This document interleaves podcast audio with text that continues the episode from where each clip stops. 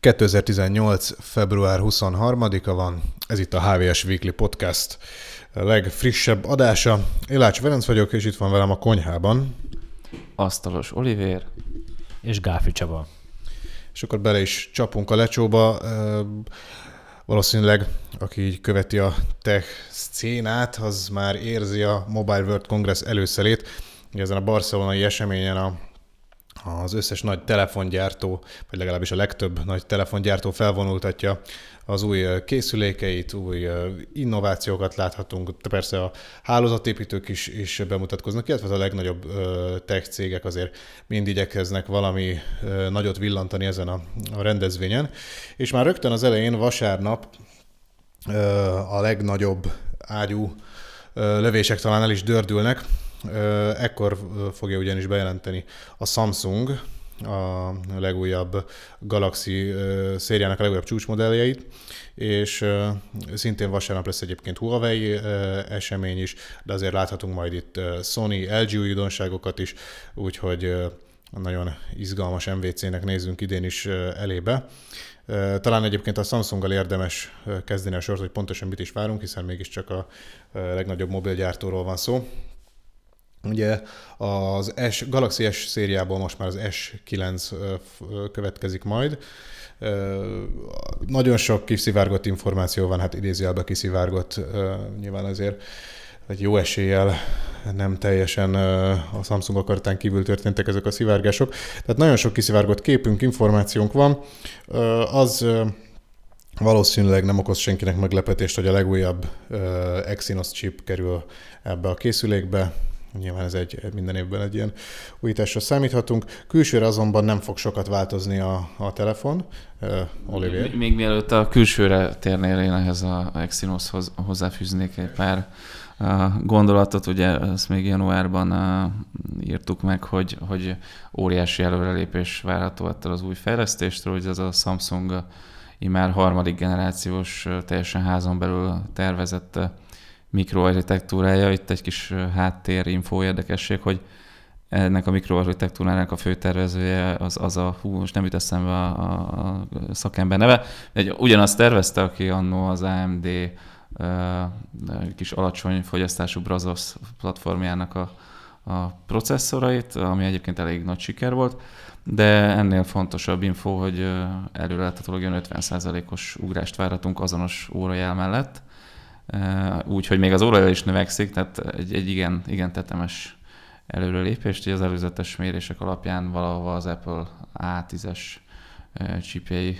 magasságába várhatjuk a számítási teljesítményt, ugye, ami egy igen, igen magas szint. Az Apple az az elmúlt három-egy generációval nagyon magasra tette az egyszálos feldolgozás lécét, és hát, hát a lényeg a lényeg, hogy, hogy piszok gyors lehet ez a processzor, ami aztán valószínűleg nem csak a Galaxy sorozatban jelenik meg, hanem én még azt is el tudom képzelni, hogy akár ezekben az ármos notebookokba is bekerülhet, de akkor felé visszaadom a szót, és beszéljünk egy kicsit a többi újdonságról. Igen, a, majd egyébként ez a notebookos ármos vonalhoz kanyarodjunk vissza, szóval feledjem.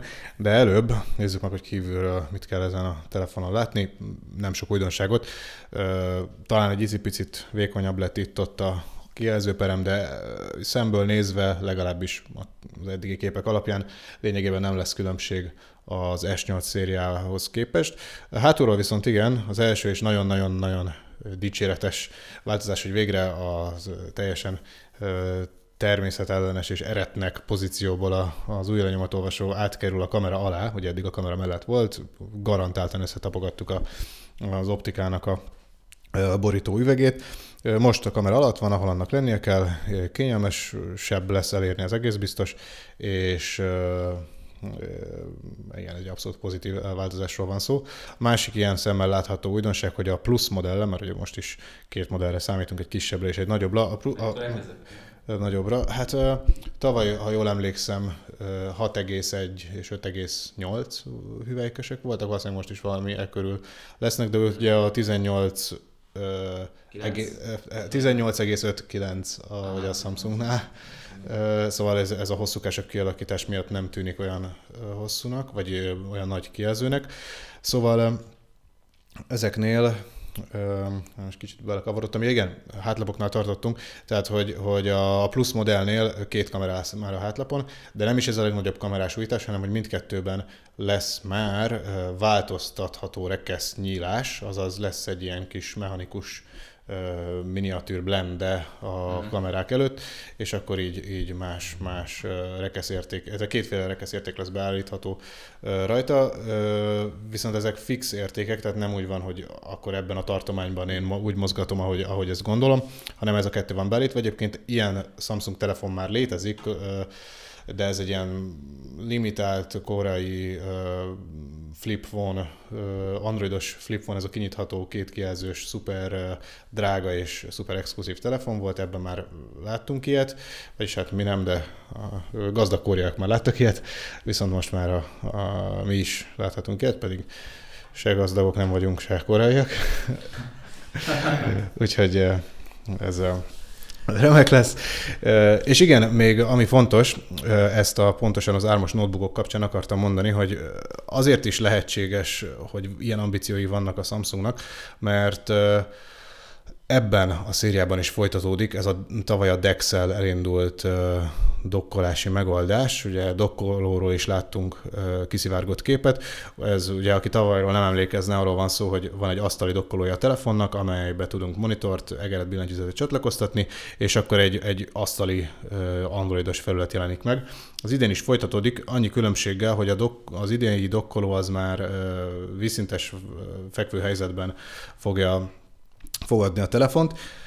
Valószínűleg azért, mert a telefon is használható lesz közben, mondjuk egy touchpadként, vagy valamilyen beviteli eszközként, úgyhogy ez érdekes lépés lesz, és, és akkor valószínűleg tehát azt látjuk, hogy a Samsung ez kitart emellett a koncepció mellett, hogy a telefon nekünk egy, vagy a telefon hardware úgymond, az, az ki tud szolgálni egy ilyen asztali munkállomást, vagy egy, egy ilyen munkakörnyezetet. Úgyhogy simán el tudom képzelni, hogy ezt esetleg egy, egy notebookba is beköltözteti. Ármas notebookokat ugye hamarosan látni fogunk egyébként is a Windows 10 S-sel. Mit gondolsz erről? Hát nekem két dolog jutott ezzel kapcsolatban az eszembe. Az egyik az, az hogy véletlenül azért is pumpálják ilyen nagy tempóban feljebb a processzor teljesítményét, hogy a, zsebrevágható notebook vagy, vagy számítógép koncepciója az, az még inkább elérhető legyen. Ugye már azért voltak erre próbálkozások, de azért ez még úgy messze van attól, hogy, hogy mondjuk akár egy, egy Photoshopot jó tempóval futtasson, vagy, vagy valamilyen kicsit erőforrás igényesebb alkalmazást. A másik pedig az, hogy ez a, a okostelefon touchpadként, hát ez sem új dolog. Ugye a Razernek van egy okostelefonja, amihez csinált egy notebookot, és gyakorlatilag a touchpad helyére berakod az okostelefont, van benne egy kijelző, egy billentyűzet, és a, a maga az okostelefon képernyőt használ a touchpadként, és a billentyűzet meg a nagyobb kijelző az ugye kézenfekvően használható igen, és azt is érdemes hozzátenni, hogy ugyanezt az asztali használatos történetet a Huawei is megcsinálta a Mate 10 illetve a Mate 10 Pro-val. Nem csinált az egy ilyen látványos dokkolót, egy ilyen kis dongle átalakító kábel van, amivel ezt használjuk, és ott is megvolt már ez, hogy touchpad a telefon, sőt ugye billentyűzetként is használhatjuk a telefon. De ugye a touchpad, mint telefon koncepciója azért sem egy annyira elrugaszkodott dolog, viszont rengeteg ilyen appot is találunk, amivel akár mondjuk számítógépet tudunk ilyen módon vezérelni, stb. Tehát, hogy, hogy ez már egy, egy viszonylag kitaposott út.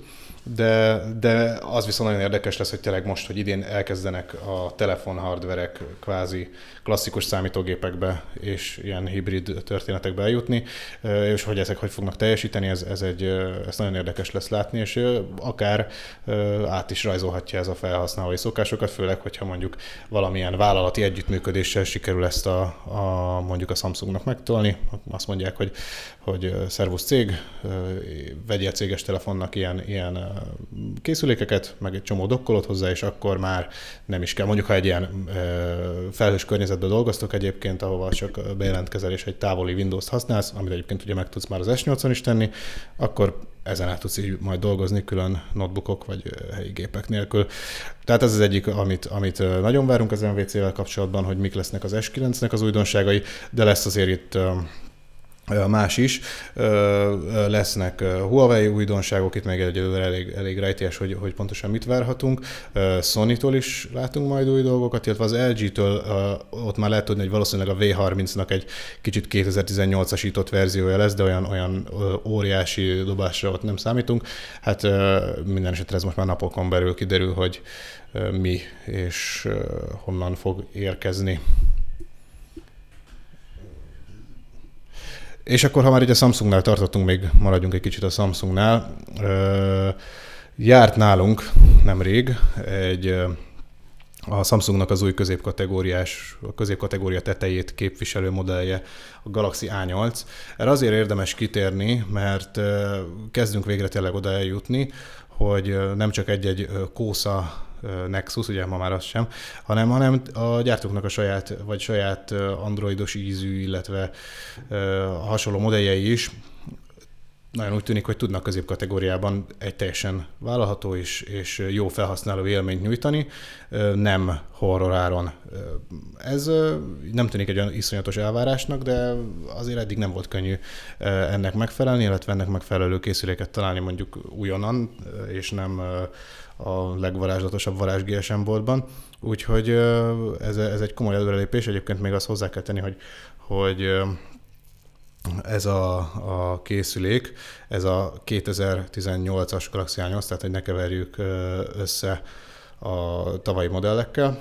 Ez igazából a nagy erőssége, hogy, vagyis hogy nagy erőssége, tehát nagy, vagy fontos megkülönböztető egy a tavalyi középkategóriához képest, hogy az S8-októl kölcsönzi a külsejét, a, a dizájnt, tehát ugyanezt a, a fizikai gomb nélküli, vagy legalábbis előlapi fizikai gomb nélküli megoldást láthatjuk, hátlapi új lenyomatolvasóval, jó helyre tett új lenyomatolvasóval, vízállóházban, és ugye ami nagyon fontos, egy olyan processzorral, amiben végre nem a Cortex A53 magokat lapátolják a halomra a gyártók, hanem kerültek bele Cortex A73 magok, amelyekkel azért már nagyon, tehát egy, egy teljesen jól lehet dolgozni, így igazából igazából a, a felhasználó élményben, használatban mind a, a telefon felépítését, a, mondjuk a, kie, a megjelenítést, illetve a gyorsaságot felhasználó élményt tekintve egy, tehát lényegében nem lehetett megmondani, hogy ez, ez nem mondjuk egy S8 hardware, vagy egy, vagy egy bármilyen csúcskategóriás hardware,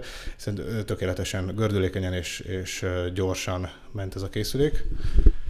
Mindenképpen a processzort emelném ki egyébként ebben a csomagban, mert alapvetően ugye nekem ez a veszőpárapám, hogy mindig ezt mondom, hogy, hogy a processzoron, illetve a processzor magokon múlik, hogy, hogy egy telefon meddig marad használható. Tehát nyilván egy vadonatújan a, a boltból hazavitt telefon az így nem fog annyira akadozni, meg nem lesz annyira lassú. Az a kérdés, hogy mondjuk két év múlva, vagy három év múlva, vagy mondjuk egy öt év múlva az még milyen felhasználó élményt nyújt, és ugye mondjuk egy iPhone-t az külön, vagy egy, egy ultra high-end androidos telefont az különböztet meg a, a többitől, hogy, hogy ez mondjuk még 3-4, adott esetben 5 év múlva is mondjuk, ha szoftver támogatás mondjuk Androidon nem is kap, mint az, az iPhone, de még mindig használható marad, még mindig normálisan lehet a, a képeket csinálni vele, e, nem lassul be, lehet vele böngészni, e, teljesen normálisan használható. És igazából ez a, ez a nagyon érdekes ebben a, az idei A8-asban, és igazából ezért is ért ez nekünk most e, cikket, ugye mi nem szoktunk azért mindent letesztelni, mert végre egy olyan, hát kvázi középkategóriás telefon, amibe a csúcsokkal közel megegyező processzor került, ami nem lesz kevés jövőre, és nem lesz kevés két év múlva, és nem lesz kevés lehet három év múlva sem.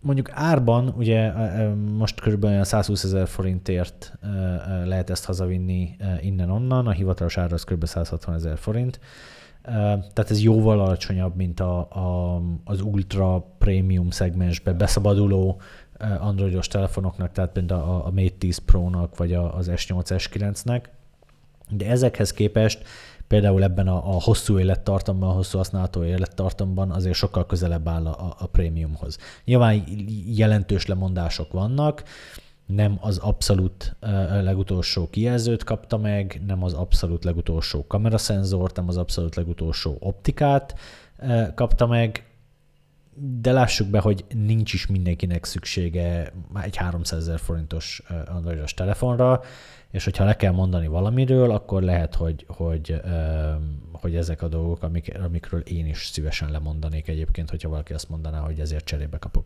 120 ezer forintot, vagy megtarthatok 120 ezer forintot. És ezzel így gyakorlatilag ott tartunk, hogy, hogy most már egy nagy gyártótól is van egy olyan telefon, ami mondjuk egy OnePlus 5 tével ekvivalens, vagy, vagy kihívója tud lenni, a OnePlus sem abban utazik egyébként, tehát oké, okay, mondják, hogy prémium telefon, nem prémium áron, de azért ott elég komoly, én is OnePlus user vagyok, tudom, miről beszélek, vannak ott azért rövidítések, meg, meg, meg sporlások, például a kamerában azért, azért viszonylag messze van a, a, az aktuális csústól a, a, az aktuális OnePlus úgy látszik a Samsung is belátta, hogy, hogy hasonló kompromisszumokat érdemes mondjuk egy Galaxy esetében is megkötni, és azoknak a usereknek, akiknek nincs igényük, vagy, vagy mondjuk nem a cégük veszi a, az S8-ot, vagy nyár az S9-et, hanem saját pénzből kell ezt finanszírozniuk, nekik lehet, hogy érdemes egy, egy direkt a, a OnePlus mellé pozícionált terméket kiadni. Egyébként nem újdonság ez, volt korábban a Galaxy sorozatban már ilyen, csak nem volt Európában elérhető, mert az kannibalizálta volna valószínűleg a, a, a csúcs, Samsung csúcsok eladásait, hiszen ha mondjuk megkapod a teljesítmény 95%-át harmadáron, azt hiszem az A9 volt, a 2017-es A9, ezt most így nem mondom meg fejből, amelyikben szintén egy gyors processzor volt, nem ez a az 53-ak 12-essével. És ezt nem indították el az európai, meg tudtam az amerikai piacon sem, mert kannibalizálta volna a, high-end telefonokat. És most, hogy, hogy igazából más szereplők viszont már, már bőszen kannibalizálják, úgy gondolta a Samsung is, hogy hát akkor inkább kannibalizálja a mi termékünk a, a high-endet, ne pedig, ne pedig egy, egy um, ne egy Huawei és ne egy OnePlus, így van. Igen, szóval mindenképp uh, megér egy pillantást ez a készülék, hogyha az ember ebben az árkategóriában nézelődik. Hány hüvelykes? Ez 5,6 hüvelyk, uh, ugyancsak ezzel a 18,5-9-es képarányjal, tehát hogy kellemesen fogható, használható készülékről van szó. Igen, tehát hogy érdemes lehet megnézni, arra vigyázzunk, hogy hogy két méter magasról ne ejtsük csempére, ez... ez... Ja, a töréstesztet azt, azt, azt nem teljesítette. Sajnos, igen, ez... ez igen, ez, ez sajnos ez user error volt, mint sem gyártói error, de igen, ez, ez nem, nem volt egy szép látvány utána a történet. Közben kikerestem a 2016-os Galaxy A9 volt az, amelyik nekem egyébként annyira tetszett, ezt saját használatra meg is akartam vásárolni, de egyszerűen Európában ezt, ezt egyáltalán nem tették elérhetővé, pontosan azért, mert árérzékeny piacokon, Indonéziában, Indiában, Kínában ennek volt helye, ott, ahol egyébként az emberek meg tudják fizetni az S sorozatot, ott meg, ott meg inkább az S sorozat miatt, vagy annak kímélése érdekében ezek nem kerültek piacra. Most akkor szerintem kiszamszongoztuk magunkat, beszéljünk egy kicsit más témákról is. Ugye szóba került azt hiszem kétszer is a héten a, Chrome böngésző, amivel én őszintén szóval egyáltalán nem foglalkoztam, úgyhogy akkor légy szíves, meséljétek el nekem, hogy mi ez a link rövidítés, vagy, vagy miről van szó, Csaba, légy szíves.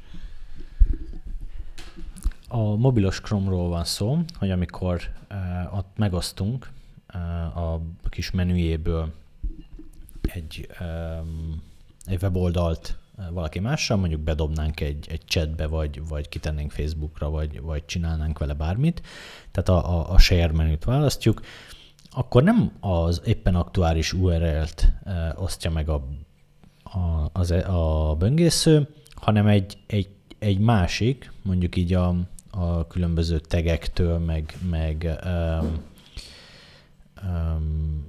ilyen, ilyen nagyon, ugye nagyon hosszúra nyúló uh, junk karakterektől uh, megtisztított Igen, referer nélküli, sokszor referer nélküli URL-t dob, dob át a másik alkalmazásnak használatra, és ez nem értetlenkedés fogadta elsősorban a webfejlesztők oldaláról, hogy így ebben a, ezek között a kidobott paraméterek között ilyen fontos információk lehetnek, tehát ugye ez az, amit a kliens, a böngésző átad a, a szerver oldalnak, amikor lehívja az oldalt, ez az URL, és ebben lehetnek olyan paraméterek, mint például, hogy hol tartottunk az oldal olvasásában, tehát hogy odaugorjon, vagy vagy adott esetben mondjuk egy hashtag után lehetnek olyan címkék, amik egyébként az, a tartalmat érdemben befolyásolják, ami az oldalon látható.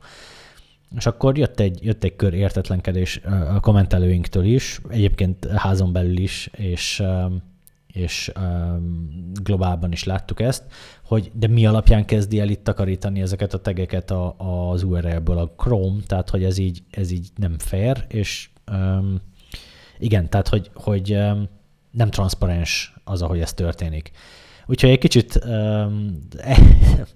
utána néztünk, hogy, hogy mi történik. Itt nem, nem nagyon vették a Global IT újságírásban erre máshol a fáradtságot, és egy kicsit végignéztük a, a, a commit sorozatot a Chromium projekten, és így egyébként megtaláltuk azt a két, kettőt találtunk, de nyilván ennél több is lehet, ilyen kódbeszúrást, ami egyébként viszonylag egyszerűen olvashatóan elmagyarázza, hogy, hogy itt mi is történik pontosan. Hát a Chrome saját hatáskörben semmit nem csinál, semmit nem rövidít és semmit nem tisztít ki az URL-ből, egészen, annyi, egészen pontosan annyit csinál, hogyha van megadott kanonikus URL, ezt ugye a HTML-be lehet beleírni, hogy, hogy mi az oldal kanonikus URL-je, akkor ezt fogja átadni a, a share-re kattintva, és nem pedig azt az éppen aktuálisat, ami, ami mondjuk a böngésző cím sorában található. Ezt a kanonikus URL-t pedig nem más írja bele a HTML kódban, mint a HTML kód írója, vagyis a weboldal fejlesztője, tehát semmit nem csinál a Chrome a, a fejlesztő tudta és beleegyezése, sőt, kívánsága nélkül. Egészen pontosan ezt adja át, ami egyébként benne van a, a weboldalban. Uh, ugye lehet, hogy nem mindenki ismeri, hogy mi ez a, a kanonikus URL. Ezt még 2009-ben uh, vezette be a Google, uh, a Yahoo, meg, meg az akkori uh, keresőversenyben még relevánsnak számító cégek. Ugye a Yahoo is így került ebbe a, a körbe. És ennek igazából az a lényege, hogy, hogy a különböző URL verziók, tehát hogyha mondjuk adott tartalomra több URL-en is el tudunk jutni, akkor ezeket össze tudja vonni a keresőmotor, és egyetlen egységes erőforrásként tudja kezelni a weben. Tehát, hogyha mondjuk mobil oldalról, meg, meg egy külön aldomainről, vagy, vagy más URL-en mondjuk ugyanahoz a blogbejegyzéshez például el tudunk jutni, például azért, mert más címkéken keresztül kattintottunk rá, akkor a böngészővel, illetve a, a keresőmotorral tudjuk közölni, hogy ez egyébként nem duplikált tartalom, egyszerűen csak ugyanaz a tartalom, nem spameljük mi a webet, hanem csak, csak az URL szintjén létezik az a duplikáció.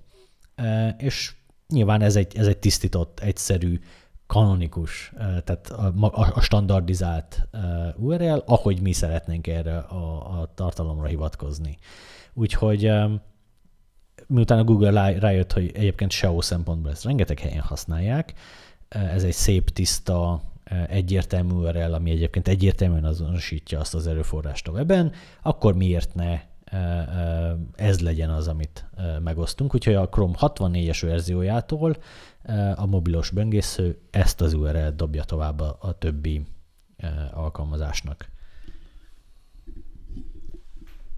Oké, okay, hát ebből azt hiszem mindent megtudtam, és remélhetőleg a hallgatók is így gondolják, és akkor így zárás gyanánt beszéljünk egy kicsit a, a kibontakozó kobalt bányászati hát krízisről talán még nem beszélhetünk, de, de a nagy vállalatok, akik lítium akkumulátorra építik termékeik javát, azok már látják előre, hogy, hogy ebből problémák lehetnek, ugyanis a lítium-ion akkumulátorokhoz kobalt szükséges többek között, és ebből a átmeneti fémből viszonylag limitált mennyiség áll rendelkezésre. Hát egy ilyen kimutatás alapján a Kongóban termelik a legtöbbet, éves szinten 66 ezer tonnát, ugye ez az ország áll az első helyen, egy közép-afrikai nem túl gazdag ország. A második helyen pedig Kína áll nagyjából a mennyiség 9 részével 7700 tonnával, utána pedig Kanada következik 7300-zal. Úgyhogy itt eléggé komoly kitettségek vannak, és hát ugye az elektromos autó gyártás, illetve az elektromos autók elterjedése olyan szintre ér el hamarosan, néhány éven belül, hogy a lítium-ion akkumulátorgyártást ez eléggé átbillenteti az autógyártók részére, és ezt már érzékeli az Apple is, és ezért próbál lefoglalni direktben a kobalt kapacitást, vagy kitermelést, mennyiséget, néhány ezer tonnát ahhoz, hogy az akkumulátorgyártás számára biztosított legyen. Valószínűleg biztosított lenne így, csak hát ugye nagyon nem mindegy, hogy milyen áron. És az látszik az elmúlt évek statisztikája alapján, hogy például 2016 közepe óta egy laza kétszeresére emelkedett a kobalt tonnánkénti ára. Egy tonna kobalt az most nagyjából olyan azt hiszem 60 ezer dollárba kerül. Úgyhogy ezt, ezt próbálja hogy az Apple is magának bebiztosítani, hogy viszonylag jó áron stabil beszállítói forrást találva arra néhány tíz millió készülékre, amit negyed évente legyárt, biztosított legyen ez a, ez a nyersanyag. Hát azt, azt mondjuk így érdemes tudni, hogy a legutóbbi negyed év során közel 100 millió darab olyan Apple készülék került piacra, amiben lítium akkumulátor van. Hát akkor az éves szinten mondjuk sacra olyan, olyan 300-400 millió darab között van, nem tudom most így fejből a, tavalyi évre vonatkozó pontos adatot, de az, az jól szemlélteti ez a mennyiség, hogy mondjuk mennyire fontos egy Apple kaliberű cégnek az, hogy a lítium akkumulátorhoz szükséges nyersanyagot be tudja magának biztosítani. Csaba, valami kommented esetleg ez a kérdéshez, témához van-e? Ferenc?